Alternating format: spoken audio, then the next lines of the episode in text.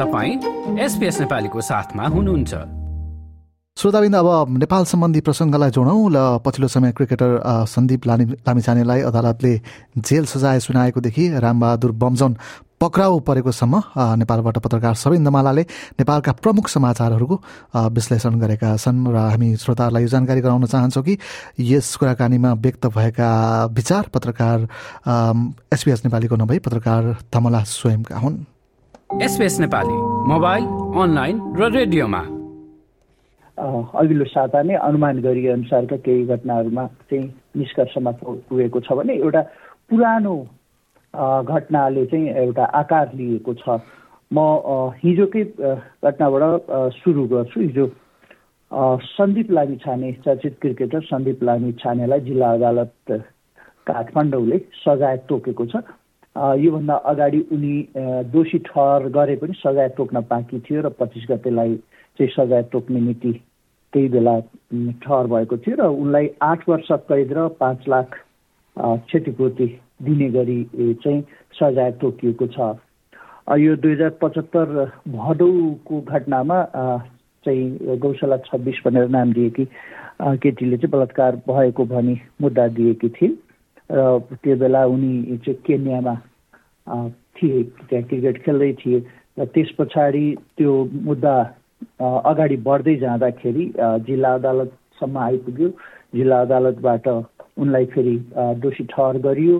त्यस पछाडि उनी पुनरावेदन गए। पुनरावेदनले बिस लाखका रोटीमा छाड्यो। त्यस पछाडि फेरि उनीले चाहिँ जिल्ला अदालतले पुनरावेदन अदालतले नेपाल बाहिर जान रोक लगाएको थियो। फेरि नेपालकै केही महत्त्वपूर्ण खेलहरू भएका कारणले गर्दाखेरि उनी सर्वोच्च गए। सर्वोच्चले चाहिँ उनलाई विदेश जानलाई खुला गरिदियो। र त्यस पछाडि यता जिल्ला अदालतले चाहिँ आफ्नो यो बहस पैरवी सुन्ने त्यस पछाडि दुवै पक्षको चाहिँ सुनवाई लिने काम राखिरहेको थियो। केही लामो समयसम्म त उसले गर्न सकेको थिएन तर अन्तिम निष्कर्षमा पुर्याएर चाहिँ हिजो फैस सजाय पनि तोकिसकेको छ।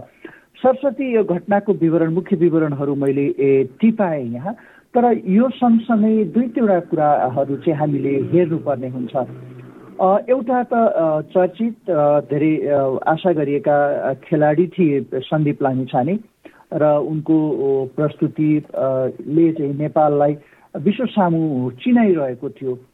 त्यो एकदमै चुलीमा उनी माथि भएको बेलामा दुई हजार पचहत्तर उनी बन्द प्रशिक्षणमा रहेको बेला चाहिँ यो घटना घटेको भनेर प्रमाणित भएको छ।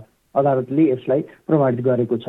अर्को यस्तै महत्त्वपूर्ण घटना भनौँ घटना त होइन एक व्यक्ति पक्राउ परेका छन्। यो तपस्वी बमजन अर्थात् रामबहादुर बमजन र लिटिल बुद्ध भनेर लामो समय चर्चा कमाएका व्यक्ति उनी अस्ति बेलुका पक्राउ परेर हिजो प्रहरीले सार्वजनिक गरेको छ। यो धेरै अगाडि सर्लाही जिल्ला अदालतमा उनीसँग बलात्कार र व्यक्ति हत्याको मुद्दा दायर भएर प्रहरीले खोजिरहेको थियो।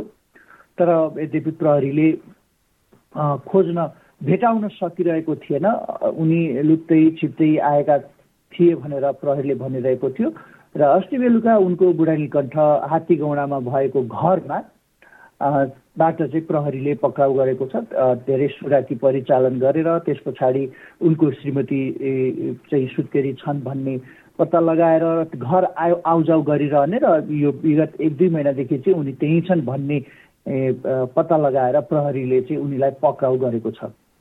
अब यसको सरस्वती हेर्दाखेरि उनी पक्राउ परे पक्राउ परेर प्रहरीले ल्यायो र साथै उनको घरबाट चाहिँ ठुलो मात्रामा झन्डै झन्डै साढे तिन करोड क्यास पैसा पनि भेटिएको छ र उनको जीवनशैली जसरी उनी बसेका थिए त्यो जीवनशैली सामान्यभन्दा माथि अर्थात् एकदम हामीले ल्याभिस खालको भन्छौँ नि त्योभन्दा माथिको चाहिँ जीवनशैली रहेको घर गाडी सबै हेर्दाखेरि तिन करोड चौतिस लाख बराबरको पैसा त उनको घरमै क्यास भेटिएको छ।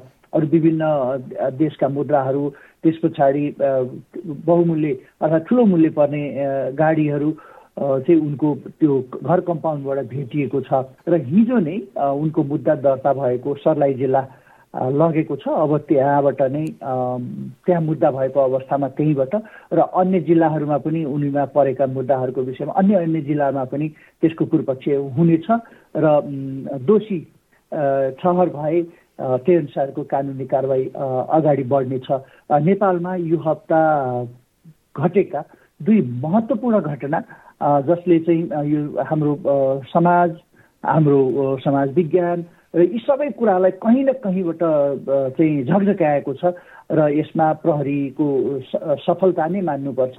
यी दुईटा घटनाहरूबाट एउटा बलात्कारको अभियोगको कुरा र सँगसँगै यो जघन्य अपराध बलात्कारसँग जोडेर जघन्य अपराध र यो धार्मिक अन्धताका विषयमा पनि प्रहरीले एउटा निष्कर्ष उसको आफ्नो तर्फबाट निष्कर्ष निकालेको छ।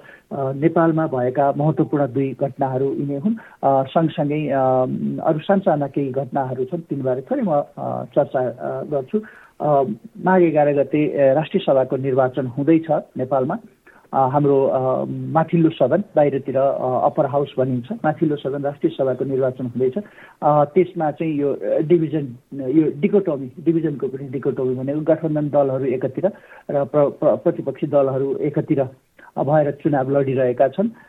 यसको मनोनयन दर्ताको काम सकिएको छ भने आज चाहिँ दाबी विरोध सकिसके पछाडि उम्मेदवारी फाइनल हुनेछ र दलहरूले गठबन्धन बनाएर अहिले सरकारमै रहेका दलहरू साथै यसलाई चाहिँ लोयल सपोर्ट गरेका दलहरूले गठबन्धन बनाएर उम्मेदवारी उठाएका छन् र त्यसै अनुसार चुनाव लड्नेछन् भने नेकपा एमाले लगायतका दलहरूले आफ्नो उम्मेदवारी दिएर चाहिँ त्यसलाई यो चुनाव फेस गर्दैछन्। र सँगसँगै अहिले नेपालभरि नै र काठमाडौँमा धेरै चिसो छ र चिसो सँगसँगै अहिले यो कोरोनाको एउटा सब भेरिएन्टले अहिले यहाँ चर्चा पाएको छ।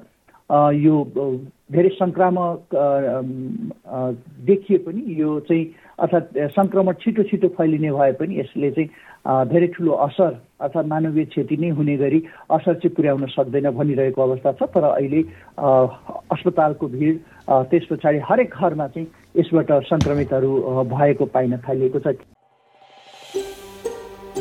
यो जस्तै अन्य प्रस्तुति सुन्न चाहनुहुन्छ? एप्पल पोडकास्ट गुगल पोडकास्ट स्पोटिफाईमा हामीलाई खोज्नुहोस् वा तपाईँले पोडकास्ट सुन्ने अन्य सेवामा।